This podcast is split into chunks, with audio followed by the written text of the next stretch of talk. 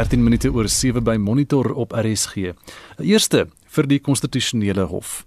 Die hof probeer vlieg sonder 'n velskerm en heeltemal buite normale praktyk en dis maar net van die reaksie op hoofregter Mogoeng Mogoeng se aanbod aan Jacob Zuma om self 'n voorstel te maak oor watter straf hy nou behoort te kry weens minagting van die hof. En ons praat ver oggend met professor Llewellyn Kaloos van die Universiteit van Pretoria se Regsfakulteit. Goeiemôre.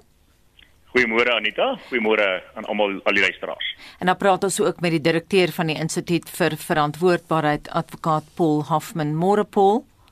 Môre en môre uh, vir die ander gas en die luisteraars ook. Let's start with you. Ek kan antwoord in Engels of Afrikaans wat ek al jy verkies. Jou kollega professor Ompemetse Sibanda van Universiteit van Limpopo beskryf nou hoofregter Mogoeng Mogoeng se stap as strategies meesterlik. Nou ander regslei is baie bekommerd oor die implikasies van wat hulle beskryf as bizar en 'n eerste vir die konstitusionele hof. Wat is jou mening, Paul? Uh, um, in, in, in my view, because the proceedings are proceedings of a court of first instance, which is what the Constitutional Court is not usually um, um, in the cases that come before it, and because the proceedings are of a hybrid nature, the civil claimant, the State Capture Commission, asking for a criminal sanction because a court order has been uh, defied and ignored by Mr. Zuma, that I think that the uh, direct directions that have been issued by the court in relation to what Mr. Zuma may or may not wish to do uh, concerning mitigation of sentence is, is, is entirely appropriate, and that the uh, if you compare it with what happens in a in, in a criminal case where the accused is normally before the court. Mr. Zuma has not been before the court. And the proceedings are in two parts. The first part is to determine guilt or innocence, and if guilt is determined in the first part, there is a second part of the proceedings where factors are um, aggravating from the state side and mitigating from the defense side the sentence are, are then considered by the court. So, what the court is really saying here is if we find that you are in contempt, what do you say about the sanction that should be imp- uh, imposed on you? I see nothing wrong with that. This court often uh, issues directives to uh, litigants that are before it, and it certainly does respect the audi alteram partem rule, which is part of our common law. That means hear the other side before you make a decision. And that's what's happening with this direction. Llewellyn, wat is jou mening daaroor? Was dit vir jou vreemd toe jy dit gehoor het? Ja, ek het nou geluister wat uh advokaat Paul Hofman ook gesê het en ek daar's definitief meriete in die opmerking en ek kan geen fout vind met sy argumente nie behalwe dat ek so 'n bietjie 'n ander ehm uh, standpunt huldig as wat hy geopper het. Ehm um, ek ek ek meen hierdie is 'n groot kopseer vir die uh, vir die grondwetlike hof. Uh van die begin af was hele Zuma debakel natuurlik een groot kopseer vir die land se regstelsel. En ek dink ons ons ons regstelsel uh, is op hierdie stadium letterlik in 'n intensiewe sorg as jy my vra. Dis duidelik dat daar dat daar groot probleme is wat wat geïdentifiseer word op baie vlakke en fronte. Hierdie is 'n baie nuwer wetse benadering. Ehm um, tereg het Paul opgemerk, jy weet dat dit 'n uh, dat dit 'n hibriede aangeleentheid is in hof van eerste instansie. Dit is alles waar en korrek. Maar ons moet onthou dat minagting van die hof ehm um, gewoonlik in twee op op op twee benaderings berus of die siviel regtelike metode of natuurlik die tradisionele strafregtelike metode. En tereg is uitgewys wanneer ou die strafregtelike proses volg, dan is dit geëik dat eh, 'n uh, party uitgenooi sal word om natuurlik submissies te maak om te sê uh wat is 'n uh, moontlike gepaste sanksie of vonnis dan wanneer 'n skuldige bevinding dan bewerkstellig is uh voordat vonnis opgelê word. Maar wanneer mens kyk na die sivielregtelike ehm um, uh, minachtings uh, aansoeke, tradisioneel gewys ten minste en ek sê nie hierdie moet natuurlik die tradisionele roete volg noodwendig nie, want dit is die eerste president in ons land uh wat ons nou gaan sien uh, en dit gaan in die toekoms ons rigtinggewend wees, maar dit gesê as 'n mens kyk na hoe dit tradisioneel deur ons hoogste howe hanteer is, dan is dit so dat daar reëls van prosesreg is. En in die oomblik as jy afwyk van die reëls van prosesreg, dan skep jy allerlei probleme vir jouself. En in hierdie geval het Zuma en sy regspan natuurlik by uitstek geleentheid gehad om hulle submissies voor die hof te plaas by wyse van eetsverklaringe ooreenkomstig die reëls en die tydlyne wat deur die hof daar gestel is. Ehm um, op die veronderstelling hulle dit nie gedoen nie, soos wat hulle nie gedoen het nie in hierdie geval. Wil hulle nou lyk like my 'n tweede kans gegee word om natuurlik daai gebrek wat van tevore plaasgevind het uh, te rektifiseer. En as dit so is, dan kan ek my goed indink dat elke tweede uh verweerder of respondent in die toekoms. Ook daardie regte en voorregte vir homself gaan wil uh natuurlik voorhou en sê maar uh hoekom moet ek anders benader word uh, behandel word as wat Zuma behandel word? Is hierdie nie 'n vorm van 'n bietjie van bevoordeling ehm um, hê deur wil middel van politieke intervensie of andersins nie? So ek is bietjie bekommerd daaroor. Mm -hmm. onthou ons howe het 'n diskresionêre vonnisbevoegdheid nog altyd gehad ehm um, en dit sal 'n skare dag wees as jy dit vir die beskuldigdes kan los uh om daardie uh regte te begin annekteer En ek dink dit is die probleem waarmee ons hier so sit. Ons sit met 'n buitengewone stap wat ons hoofregter geneem het en ek en ek meen dat dit dalk 'n uh, 'n uh, 'n blikkie wurms gaan oopmaak wat ons nie noodwendig in die toekoms altyd gaan wil duld nie. Paul, jy het nou gehoor wat Llewellyn te sê het. Jou reaksie daarop? Yes, I, I think there's much merit in what he says as well. I think that the, the, the, the spot at which we uh, diverge is that if we accept, as he has, that this is a hybrid sort of criminal uh, civil case. And unusually so, it is a case which the highest court in the land is hearing as a court of first instance. So there's no appeal after after uh, it has dealt with the matter. It is possible to uh, seek to correct an error, but that's pretty hard to do. So what we have is is a situation in which the court is being asked to determine whether it has been held in contempt by a civil litigant where the respondent, uh, President Zuma, has chosen not to participate in the proceedings. And mindful of the Audi Ultram Partum rule, the court has issued a direction that opens the door to Mr. Zuma to say, as any accused person can do, this is what I want the court to take into consideration in mitigation of such sentence as it may consider if it finds me guilty of contempt of court. So the court itself is involved in protecting its own dignity, and I think it, it has to be astute to uh, give every procedural opportunity to a recalcitrant accused person so that nobody can say afterwards uh, the, the court ran roughshod over, over a, a person who wasn't there. That's, that's why I believe that it is, in fact, the, the, the correct approach. Llewellyn, dit hang natuurlik af uh, vir wie mens hierdie vraag vra, watter straf jy wil hê en of 'n mens so iets vir Jacob Zuma self moet vra. Hy het 'n geskiedenis van die reg op sy kop draai as 'n mens teruggaan na 2009 toe hy dit reg gekry het om die NVG se Mkoteri Mshe te oortuig om korrupsie aanklagte teen hom terug te trek. Wat dink jy kan 'n mens van hom verwag nou? Hoe gaan hy hierdie speel? Ja, nee, dit is dit is inderdaad so. Ehm um, uh, maar ek dink daar daar daar kom 'n ander uh, uh, aspek ook by wat ons moet versigtig voor wees. Ek meen as jy enigiemand vra uh wat skuldig bevind is aan 'n misdaad, wat moet hy gestraf word? Dan gaan hy vir jou sê, uh waarsku my en ontslaan my of moet my asseblief nie straf nie want uh dit is is genoeg dat jy my net oor die vingers stik en dan moet niks verder gebeur nie. Moet my asseblief nie in die tronk stap nie. So ek dink dit is 'n van selfsprekende uh argument uh aan aan sy kant. Uh, my bekommernis is wat gebeur as sy regspan sou opdaag en sê maar goed, ons wil nou hierdie geleentheid van gebruik maak, maar nou dat julle ons daardie geleentheid bied en sien dat julle dit wil uh oor die boesem gooi van die tradisionele strafregtelike uh vonnisprosedure waarin die beskuldigde dan nou uitgenooi word om sy kant van die saak te stel en dan natuurlik submissies te maak vir vonnisoplegging. Ek wil die geleentheid nou kry om uh getuies voor die grondwetlike hof te lei, uh mondelinge getuienis uh om uh, strafversagtende faktore voor die hof te plaas. Ek wil dit nie doen by wyse van 'n doeteenvoudige briefie of 'n uh, eetsverklaring wat ek aan julle wil ophandig nie. Ek wil net soos in enige ander strafsaak dan nou die geleentheid kry om getuienis, ons sê viva voce met ander woorde mondelings voor die hof te plaas. Wat gaan dan gebeur? Gaan ons hoofregter dan daardie vergunning vir uh voormalige president Zuma toelaat of nie?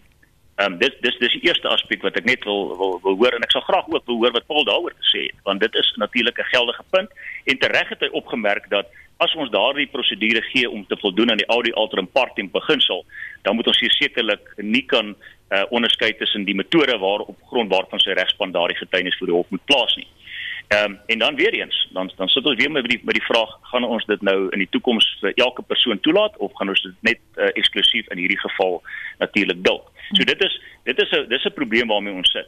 Ehm um, ja, sekerlik hierdie is enig in sy soort. Mens kan nie ons ons ons het niks om uh op terug te val en te sê maar die verlede het die grondwetlike hof dit so en so hanteer nie. Ehm um, so daar's definitief in die Marite uh, wat wat Paul genoem het. Uh maar ek ek, ek dink dit is 'n perspektief wat ons nie uit uh, uh moet moet verloor nie is dat hierdie moontlik uh uh kan kan omdraai en uh, ons letterlik van agter af byt. Paul I don't foresee that Mr. Zuma will um, uh, participate. I may be wrong about that. And I certainly can predict that if he is so cheeky as to ask to lead uh, oral evidence before the Constitutional Court, the answer will be no. We don't have a, a witness box in the Constitutional Court. The Constitutional Court does not hear uh, oral uh, evidence because it's 11 judges and because it is, is, not set up to hear oral evidence. So he, w- he will be uh, um, told that he must do what the direction says he must do, which is to provide uh, not more than 15 pages of affidavit about the, uh, the, the, mitigation that he wishes to uh, place before the court, and, and the court will simply stick to its direction on that. Thank you very much. Ons het vanoggend gepraat met advokaat Paul Hoffman. Hy's direkteur van die Instituut vir Verantwoordbaarheid en ons het ook gesels met professor Llewellyn Kaloos van die Universiteit van Pretoria se Regsfakulteit.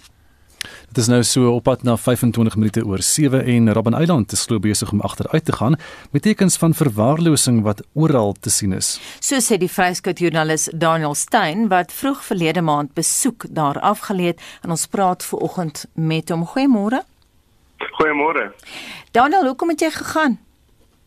So al vir die afgelope paar jaar hoor ek um, van vriende en familie wat die eiland besoek het dat die ervaring substandaard was. Ehm um, en daar is al lank gerugte in, in die nuus en so van korrupsie en wanbestuur by die eiland. En uh, boonop dit was die eiland ook onlangs in die nuus omdat 'n verslag wat uh, deur minister van kuns en kultuur Natie Mthethwa gestig is, ehm um, na 2 jaar oorhandiging van die museum in vroeg Maart. En ehm um, die museum het, het toe erken dat daar wel bewyse is van korrupsie en wanbestuur. Ehm um, terselfdertyd het iemand vir uh, ground up die organisasie waarvoor ek geskryf het gekontak met 'n Facebook post en die post het um, foto's van geboue op Robben Eiland gewys wat nie in stand gehou is nie, gebreekte dakke, vers wat aflek en so. En dit het dit het toe um, my gelei om om in vroeg maart die eiland vir die eerste keer te besoek. Maar Daniel, jy skryf ook dat die agteruitgang reeds op die veerboot self te sien is. Ja, so dit was eintlik 'n nuwe boot uh, met die naam Krotoa en dit was heel aangenaam dit was ehm um, deftig en en nuut. Ehm um, maar ek het later uitgevind dat dit wel die museum omtrent 90 miljoen rand gekos het en die ouditeur-generaal aangedui het dat dit 'n onreëlmatige uitgawe was. Maar op die boot het ek wel gevind dat ehm um, van die TV-skerms gebreek was. Die video's wat die geskiedkundige agtergrond van die eiland vertel het, ehm um, het ek intone gevind. Hulle was sleg gemaak en die klankbaan was baie sleg. Ehm um, dit was amper onhoorbaar op tye. En ehm um, vir my was dit teleurstellend omdat die dit omtrent die enigste geleentheid is tydens die toer waar die eiland se breër geskiedenis vertel word. Byvoorbeeld as 'n tronk vir koei leiers ehm um, en gevangenes tydens die oorspronklike Nederlandse bewind in die Kaap.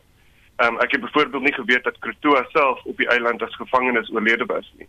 So dit was 'n dit was 'n teleurstelling dat daai geskiedenis nie behoorlik vertel word nie. Nou ook belangrik vir oorseese toeriste wat persoonlike verhale wil hoor. Jy skryf dat die hoogtepunt van die toer, dit is nou die toergids se persoonlike verhaal. Die was volgens jou substandaard. Eh, nie noodwendig nie. Ek ek skryf dat die die toergids se verhaal was was treffend. Ehm um, hy het vertel van hoe hy vir 7 jaar daar in gevangenis gehou is, ehm um, vir terrorisme Ehm um, hy het vertel van die onmenslike omstandighede waarin hulle gelewe het, uh, die rasisme wat hy daar ervaar het en en ook met 'n tipe nostalgie vertel van die politieke kameraderie wat tussen die gevangenes was. So mens kry 'n idee van die energie van die tydperk en hoe 'n groot deel van die weerstand teen apartheid ehm um, strategies in die eiland se tronkselle beplan is. Maar die toer van die tronk was gejaag. Die toergids het gesê byvoorbeeld dat net 40 minute gehad om ons die hele tronk te vat. Ons moes hardloop om by by te hou. Ehm um, die mense wat wou foto's neem het, het agtergebly. Ehm um, die ver van die mure van die tronk was besig om af te vlek. Inligtingsportjies was gebreek en ek het ook gevoel dat die toer baie meer indrukwekkend kon wees as jy dit vergelyk met Auschwitz of die Holocaust Museum in in Jerusalem. Ek dink ek nie dit is op dieselfde wêreldklas standaard nie. Mens kan nuwe tegnologie en 'n behoorlike interaktiewe um, ervaring skep uh, in die storie meer en uh, treffend vertel. Daniel, die internasionale besoekers kom natuurlik almal om te kom kyk nou hoe lyk Mandela se sel? Hoe lyk dit daar? Wel, ons het baie um, kort tyd gehad om om Mandela se sel te besoek. Die sel lyk maar soos wat dit wat dit altyd gelyk het. Dit lyk maar soos al, al die ander selle ook in die tronk. Ehm um, maar daar is nie 'n groot ehm um, 'n groot ehm um, jy, jy weet dit is nie behoorlik aangelê om om spesiaal te wees of of of enigiets soos dit nie. Ek het eintlik nogal ehm um, downplayed gevind. Dit was nie ehm um, baie dis nogal um, amazing om om in die sel te wees en en en so maar ek het nie gevind dat dit dat daar veel moeite gedoen is om die storie behoorlik te vertel nie. Daniel baie dankie Daniel Steyn 'n vryskut joernalis wat Robben Eiland onlangs besoek het. Die minister van staatsdiens en administrasie Senzo Ngunu het in 'n skriftelike antwoord op 'n parlementêre vraag van die DA onthul dat byna 35% van senior bestuurders in nasionale en provinsiale departemente nie oor die vereiste kwalifikasies beskik vir die poste wat hulle beklee nie. Die DA-LP en skare minister vir staatsdiens en administrasie Leon Schreiber sê nou hulle gaan die staande komitee oor openbare rekeninge vra om 'n ondersoek in te stel na die aanstellings. Ons praat hierso oor die 9477 mees senior amptenare in ons staat en byna 35% van hulle het nie die kwalifikasies wat die werk vereis nie. Die vraag is natuurlik hoe hulle in die eerste plek aangestel word as as hulle nie oor die kwalifikasies beskik nie en dis waarom my kollega Michelle Clark hierdie saak verwys het na die staande komitee oor openbare rekeninge. Schreiber sê dienies versterk oproepe om kaderontplooiing te stop. Die DA is ongelukkig nie verbaas oor die antwoord wat minister Senzo Mkhunu op ons parlementêre vraag verskaf het oor eh, die kwalifikasies van senior staatsamptenare nie. Die DA is reeds besig om vir 'n lang tyd te veg teen kaderontplooiing en uh ons argumenteer reeds verlang dat die aanstelling van senior staatsamptenare op grond van politieke lojaliteit nie net lei tot korrupsie omdat hierdie amptenare voel hulle is iets verskuldig aan die ANC nie maar dat dit ook 'n direkte impak het op dienslewering omdat mense nie op meriete aangestel word nie en gevolglik nie beskik oor die kwalifikasies of vaardighede wat nodig is vir baie van hierdie kritieke poste nie. Ons het reeds ons wetsontwerp rondom die afskaffing van kaderontplooiing in die staatskoerant gepubliseer met 'n beroep op die publiek om kommentaar te lewer oor die wenslikheid van hierdie wetsontwerp. Ons moedig hulle weer aan om kommentaar te lewer deur 'n e-pos te stuur na speaker@parliament.gov.za op die ouene van die dag is dit die enigste manier hoe ons die onbekwaamheid en korrupsie in die staat gaan uitroei want kaderontplooiing is fundamenteel tot staatskaping en swak dienslewering. Leon Schreiber, die DALP en skadu minister vir staatsdiens en administrasie. Ek is Justin Kennedy vir SAK nuus. En daarmee het jy die vloer, Heine. Aneta oor die voorgestelde verslapping van regulasies in die dagga bedryf sê oom Dani van George ai tog hy nou as dagga die nuwe groente en of vrugte. In plaas van bestaande groente en vrugte uitvoerboere te help wat reeds deelers van 'n verspreidingsnetwerk word 'n onbekende tipe boerdery bevorder dom dommer domste. En dan Flok Pieterse van Glentana wat in Engels sê they want us to smoke grass. Anytime we get so high we fly no worries about the potholes or airlines cool runnings my man En dan Manna Ferreira wat sê die regering het altyd tyd vir planne wel wetend. Hulle kan niks suksesvol deurvoer of monitor nie. Alles wat hulle wat hulle probeer beheer is niks meer as 'n gemors nie. Ek stel voor hulle begin by munisipaliteite, die polisie, Eskom, SAL en al voortplaai paie. En dan jou vra wie het gesê dagga verlig asma, dit het my net bedwelmd laat voel. Ek sal dit nooit weer gebruik nie. Kinders so jonk as 8 jaar rook dit hier by ons. Iemand anders sê al wat ek kan sê is die produkte is peperduur en ek hoop die prys sal ook daal. En dan iemand anders wat vra, ek hoor niemand praat van die groot dagga laboratorium by van Wyksdorp in die Klein Karoo nie. Narina de Klerk sê uiteindelik natuurlike medisyne, dit sal nou miskien goedkoper word. CBD olie help vir so baie kwale en die salf is net so goed. Mense kyk egter net vas teen dagga rokers.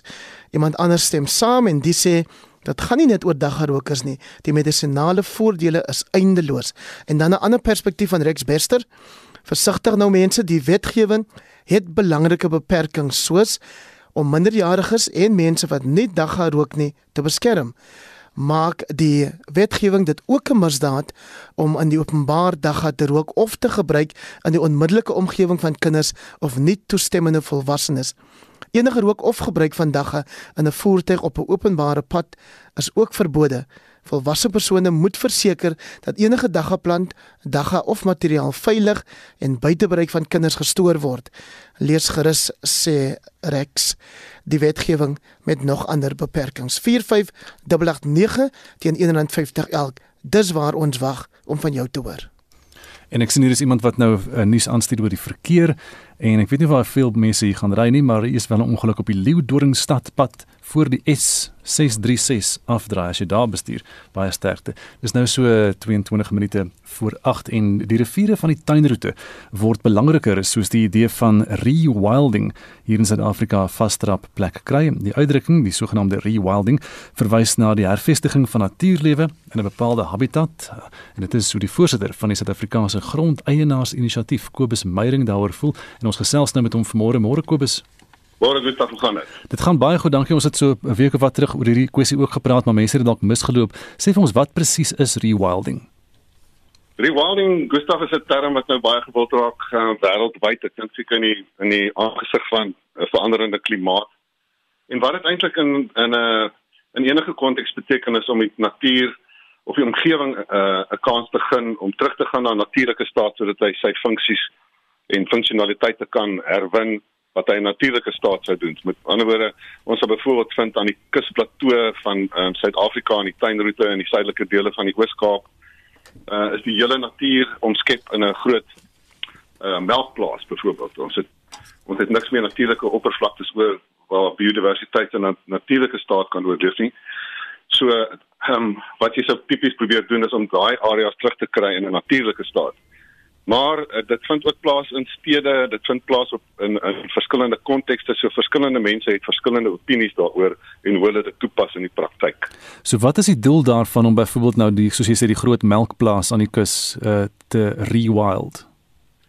Ehm um, kyk ons sal nie ons sal nie al daai goed kan doen op daai tipe skaal nie. Wat ons byvoorbeeld in ons area wil doen is ehm um, ons wil kyk na hoe kan ons ons bewaringsstatus van ons rivierstelsels wat tot 'n mate nog ongeskonde is ehm um, tot 'n hoër vlak van bewaring kan kan kry of 'n hoër vlak van amptelike bewaringsstatus kan kan gun aan daai area. So mense wil kyk na ehm um, korridors waar biodiversiteit kan migreer. Aan die ander wyse in die in die kusplato soek jy 'n korridor waar proteas wat in die berge groei of wildlewe wat in die berge is tot by die oseaan kan kom. So hulle sal byvoorbeeld kyk na 'n stelsel soos die Keurboomsrivier ehm um, wat uit die Tsitsikamma berge uitvloei om te kyk of mense kan genoegsame oppervlaktes um, onder bewaring kan kry waar natuurlike uh, uh, plante groei en diere migrasie kan plaasvind. Kom ons praat nou daaroor waar jy is, die tuinroete omgewing. Uh, as mense gaan besoek af lê, lyk dit op die oog af of is dit nog baie, jy weet, wild is soos wat dit was, al daai strandmure en so aan. Tot hoe mate is die tuinroete nie meer oorspronklik nie en en hoe kan 'n mens dit dan meer oorspronklik kry? Die tuinroute is seker 'n baie goeie voorbeeld. Ek dink ons het sê maar in die 1800s het die owerhede areas um, geïdentifiseer vir amptelike bewaring soos byvoorbeeld die Kruger Nasionale Park of nasionale parke en, en streekparke. En en dieselfde hier in die tuinroute waar die meer areas uh, onder amptelike bewaring is. Maar rivierstelsels ehm um, was nie geag as belangrik genoeg vir bewaringsstatus nie. En ons betaal nou die prys daarvoor met lae gehalte water ehm um, en te veel areas wat uh, toegelaat was om onder landbou en onder ontwikkeling te gaan. So mense sal vind dat die regulasies wat van toepassing is op landelike ontwikkeling en, en nie altyd streng genoeg toegepas word nie en dat mense moet kyk na daai tipe regulering. Maar uiteindelik kyk mense na sosiale samewerking tussen gemeenskappe, grondeienaars en owerhede om groter areas onder bewaring te kry. So wat gebeur as die as die water soos jy nou sê wat wat wat opland daar in die, of uit, uitkom in die in die strandmere, wat doen dit aan die dierelewe daar? Wel dit is presies die probleem, die dierelewe um, bestaan in ons area feite glad nie meer. Ons het ons het natuurlik hierdie fantastiese uh jy weet mere en en riviere maar ons het byvoorbeeld omtrent niks meer soogdiere in die tuinroete nie af vir die laaste 200 jaar nie.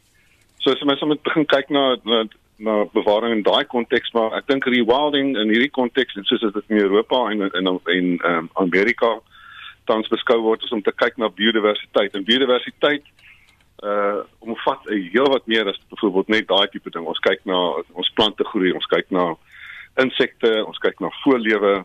So dis 'n baie meer breër konteks as as net dit. Die tuinroete daai hele gebied is natuurlik baie gewild. Mense wil daar gaan woon, langs die see en gaan aftree en so aan. Is daar kompetisie tussen die rewilding of die natuurlike omgewing en die ontwikkeling? Geweldig. Ek dink 'n nuwe term wat hier gebruik word is die konkreetroete en nie die tuinroete. Mm -hmm. Omdat jy hierdie lineêre uh, stedelike ontwikkeling het al langs die kuslyn af. So ja, dit die die interaksie tussen byvoorbeeld die strandlewe en en die binneland ehm um, is geïnhibeer omdat geen geen migrasie meer oor hierdie stroke kan kom waar daar nou net huise staan en snelweë en harde uh, oppervlaktes is nie. So soms moet kyk na hoe kan jy die die impak van die mens versag en eintlik die natuur 'n beter kans te gee op oorlewing. Hoe kan die gemeenskappe en die grondeienaars daar betrokke raak want mense sou dink dat mense wat daar gaan woon sou graag betrokke wou wees. Ja, ek moet erken dat so bysterend hoe um, optimisties en entoesiasties hulle is. Ons het byvoorbeeld vyf rivierstelsels gekies wat ons dink ehm um, herwinbaar is tot in 'n natuurlike staat en ons het oor die 100 grondeienaars wat tans deelneem aan hierdie programme en hulle het tussen hulle in die laaste jaar regdeur die Grendel tydperk meer as 1.500 hektaar skoongemaak van indringerplante groei in hulle op hulle eie grond en hulle eie koste. En ek meen dit is 'n geweldige uh, belegging in in uh, in in 'n natuurlike uh, bewaring inisiatief op hulle eie onkoste en ons is baie beïndruk daarmee. Wat van die inkomste wat daardie streek maak uit toerisme, sal dit behoue kan bly? Ja, die area ehm um, sit baie ander areas in in die in die ehm uh, in Suid-Afrika, dink byvoorbeeld aan die Wilde Kus. is feitelik uitsluitlik afhanklik van ehm um, toerisme inkomste. Hier is baie min ehm um, industrie en en ehm um, dit's mynwese of hulpbronne in hierdie area buiten toerisme. So ja, sonder sonder toerisme het ons 'n probleem. Kobus baie dankie. Dit was die voorsitter van die Suid-Kaapse Grondeienaars Inisiatief en dit is Kobus Meyring. Die Rainbow Cup is nie gekanselleer nie en Suid-Afrika ondersoek alle moontlike opsies om die rugby toernooi te laat geskied. So beloof Mark Alexander, die president van SA Rugby, gister nou na aanleiding van berigte dat die byeenkoms gestaak sou word omdat plaaslike spanne nie uit 'n bioborrel in die VK sou kon opereer nie. Maar kom ons luister na wat hy gesê het. We have not made a final decision yet. They just published today the fixtures and the start of the fixtures, but know, we are still waiting on, on, on approval from the UK government to give us permission to travel there. But things are looking good and look like it will be on track. But you know, we are we're not we're dependent on a government to make a decision. It's not our decision. You know, the COVID times are very difficult times for South African rugby because every time we have to do something, we have to phone, get all of the governments. And you know, most governments don't work with the speed of light. So it's a problem. And we understand the frustration by these fans and the spectators, but it's, it's, a big problem for us. It's even a bigger problem for us if we don't play uh, international rugby. Uh, talking about at the franchise level and uh, Springboks and the Sevens, which generates more than 90% of our money, you know, we're going to be in trouble this year. We need to participate internationally because that's where we generate our money from. We are 99.7% self-funded. And, and more than 90% of our funds come from those products, as I said. The, the domestic products produce very little money for us. It's the international products they produce. And it doesn't only affect the Springboks or the franchises, it affects all. It cross subsidizes all our rugby. So I'm rather concerned, and we we're doing everything in our power to make sure that this thing happens. En aan die woord daar die president van SA Rugby Mark Alexander en ons praat nou met Hendrik Kronje, hy's 'n spesialis rugby skrywer. Goeiemôre Hendrik. Goeiemôre. Alle rugby liefhebbers is nou baie bekommerd oor die nuus wat nou rondgaan dat die Rainbow Cup gekanselleer is. Geef ons die feite kortliks. Ek dink die belangrikste feite is maar die reisbeperkings en kwarantyne vereistes aan daai kant en gegee die vrese vir die Suid-Afrikaanse variant van die koronavirus lyk dit in die stadium ontsettend moeilik of SA rugby uh weet hulle hande op die potgout aan die einde aan die einde van die reënboogbeker gaan kry. En dink jy die VK sal toelaat dat ons Suid-Afrikaanse franchises na hulle toe kan reis? Uh ons het verlede week uh ons het Sondag gestorie uh ons hoofberig op ons agterblad rapport was oor die reënboogbeker gewees. Ons verlede week uh, uh verneem dat die plaaslike franchises rugby uh aan die plaaslike franchises sou sê dat hulle moet die jy weet die uh, uh, hulle uh, die verwerking van hulle visums moet hulle staak wat 'n aanduiding is dat hulle bitter onseker is uh, dat die weet dat die Suid-Afrikaanse spanne nog daaraan gaan deelneem. In die stadium klink dit ontsettend moeilik of die Suid-Afrikaanse spanne daaraan gaan deelneem. Uh Suid-Afrika daar's kwarantyne vereis dis uh wat die spanne 'n paar dae in kwarantyne moet wees wat kan beïnvloed of hulle kan oefen of nie kan oefen nie. Uh dit lyk in die staan baie moeilik vir hulle daaraan kan deelneem. Wat gaan gebeur as die Rainbow Cup wel gekanselleer word? Wat gaan die finansiële impak wees? Vir Suid-Afrikaanse rugby. Ek dink mense moet eers net sê dis nie Suid-Afrikaanse rugby basis se skuld nie. Weet hulle kan niks aan doen nie. Dis hmm. ongelukkig die invloed van die koronavirus. Uh vir Suid-Afrikaanse rugby sal dit ongeluk ongelukkig ongelooflike slegte 'n slegte invloed hê vir al die unies, vir al 14 unies in die land en vir ons beheerliggaam SA rugby. Uh die geld lê Suid-Afrikaanse rugby se geld lê in die internasionale kompetisie soos die Reënboogbeker, die Tour van die Britse en Ierse Leeu's en die Pro 16 reeks wat later vanjaar plaasvind. Dis bitter belangrik dat hierdie eh, dat dat Suid-Afrika dat die vier Suid-Afrikaanse spanne aan die aan hierdie Reënboogbeker toernooi deelneem. Uh as mense kan verstaan op die oomblik het die het al die unies 14 unies het voorlopige begrotings en dis weens die impak van die koronavirus en hulle het gehoop aan die einde van die maand met die jaarvergadering van van SA Rugby se hoofraad dat daar finaliteit dat hulle sekerheid kan kry oor hulle begrotings. Nou wel al alles soos die deelname aan die Reënboogbeker toernooi het 'n invloed op daai begrotings en dit is dit is ongelooflik. Elke unie gaan gaan gaan heelwat minder kry en dit voorspel nie goed selfs vir die spelers iets goed vir die spelers nie. Uh tot die, die spelers het weens die uh, uh, pandemie die spelers tot einde verlede jaar was daar salarisverminderings geweest en eers van Januarie van jare die spelers weer hulle normale salarisse ontvang en dis nog bietjie vroeg dalk om dit te voorspel maar sou die sou sê die Suid-Afrikaanse spanne wel nie in die Rainbow Cup of dan die Reënboogbeker speel nie dan dit beteken dat daar weer salarisverminderings in werking gestel word vir spelers Baie dankie en sê Hendrik is 'n spesialis rugby skrywer. Dit is nou so die omgewing van 12 eh, minute voor 8 uur by Monitor en is tyd vir wêreldnuus gebeure. Ons het reeds vroeër in Monitor berig dat die Johnson & Johnson enstof ook tydelik in Suid-Afrika deur die minister van gesondheid hier Dr. Willem Kiese gestaak is, maar dit is natuurlik uh, eers in die FSA en die Europese Unie ook tydelik gestaak. Weens bloedklonte wat by baie min mense voorkom, is die Klerk sluit nou by ons aan vir wêreldnuus en sy het meer besonderhede. Die môre Môre Gustaf, volgens die Amerikaanse Voedsel- en Medisyne Reguleringsowerheid of die FDA is 6 gevalle in meer as 6,8 6,8 miljoen dosisse van die enstof aangemeld Al ses die pasiënte is vroue tussen die ouderdom van 18 en 48 jaar. Een pasiënt is dood weens bloedklontverwante komplikasies en nog een is in 'n kritieke toestand. En die simptome het voorgekom tussen 6 en 13 dae nadat die enstof toegedien is. Die Johnson & Johnson Johnson enstof is eers hierdie week in die EU begin gebruik. Hier is een van die FSA se top mediese kenners, Dr Anthony Fauci.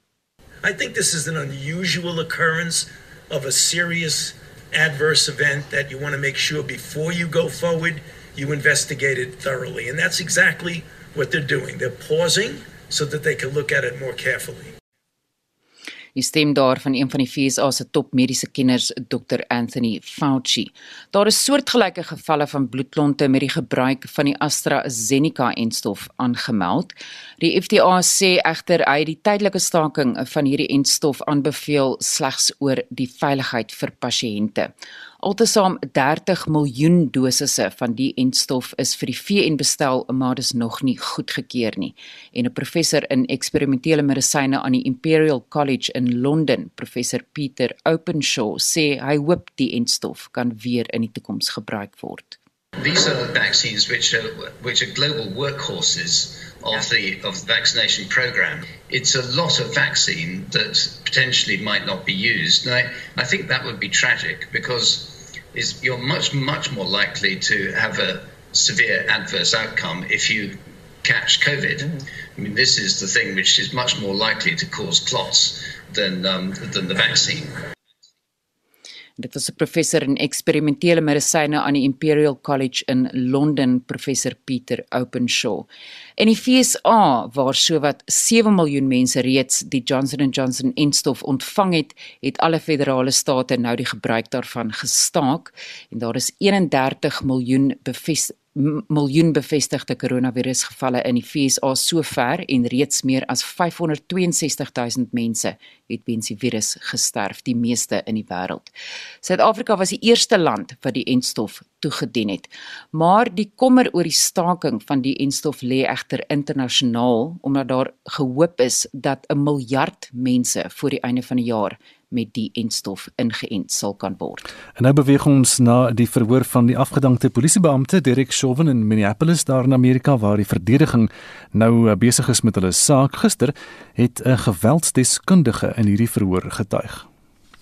Nou die kenner Barry Brott het getuig Chauvin was geregverdig om George Floyd op die grond neer te pen. En Chauvin, soos ons almal weet, word van die moord aangekla nadat hy 9 minute lank op Floyd se nek gekniel het met sy inhegtenisname in Mei verlede jaar. Brott het getuig Chauvin het met objektiewe redelikheid opgetree. Hy het gesê die onmiddellike gevaar wat Floyd aan die polisie voorgehou het, het 'n groot rol gespeel in hoe hy in hegtenis geneem is. Hy het getuig volgens polisiebeleid gaan polisiebeamptes nie wag vir 'n voorval om te gebeur nie. Met ander woorde, hulle gaan nie wag vir 'n polisiebeampte om dat sodat iemand hulle kan skiet of met 'n mes kan steek nie en dat dit maklik is vir iemand om nou in 'n kantoor te sit en 'n beampte se gedrag te oordeel maar dat dit meer van 'n uitdaging is om jouself in daardie polisiebeampte se skoene te plaas. Die verdediging is 'n saak duur hierdie week voort. Maar daar heers ook die reeds die afgelope 3 dae spanning juis daar in Minneapolis nie ver van die hofgebou nie. Sedert 'n uh, polisiebeampte Sondag aand, volgens die polisie per ongeluk uh, 'n skoot afgevuur het op Dante Wright in plaas daarvan om haar skok uh, wapen te gebruik. Ja, en Wright is dood na die voorval en dit is die derde aand dat betogers hulle self teen die polisie vasloop oor die skootvoorval nadat omdat hulle daar betoog. En intussen het die polisievrou wat die skoot afgevuur het en die hoof van die polisie in Minneapolis bedank en videomateriaal van die voorval is deur die polisie bekend gestel. Die BBC se Peter Bowes berig. The mayor a little earlier was saying that he at least hoped that it would calm things down a little bit and bring some peace to the streets. That clearly hasn't happened because uh, this area has been thronging with people and protesters clashing with the police. Once again, the area and the gathering declared an unlawful assembly. The police using bullhorns to warn people that, that if they didn't go home immediately, that they would be arrested. And indeed, quite a few people have been arrested and uh, led off. Die stem daar van die BBC se korrespondent Pieter Bous en nou verskuif ons die fokus na China waar die FSA samewerkingsooreenkomste met die regering probeer bemiddel voor president Joe Biden se klimaatsberaad. Die Amerikaanse afgevaardigde John Kerry is op pad na Shanghai om China voor die aanvang van die klimaatsberaad wat volgende week begin te probeer ooreed om met die FSA saam te werk.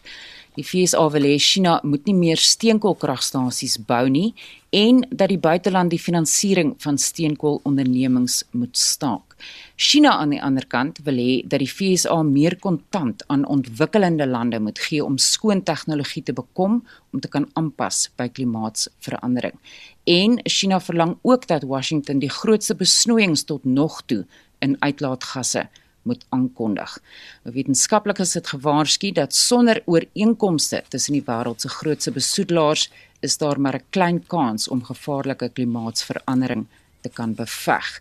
En nie die VSA of China het hulle klimaatsveranderingsplanne aan die VN verklaar nie. En dit was Estie de Klerk met 'n oorsig oor vandag se wêreldnuusgebeure.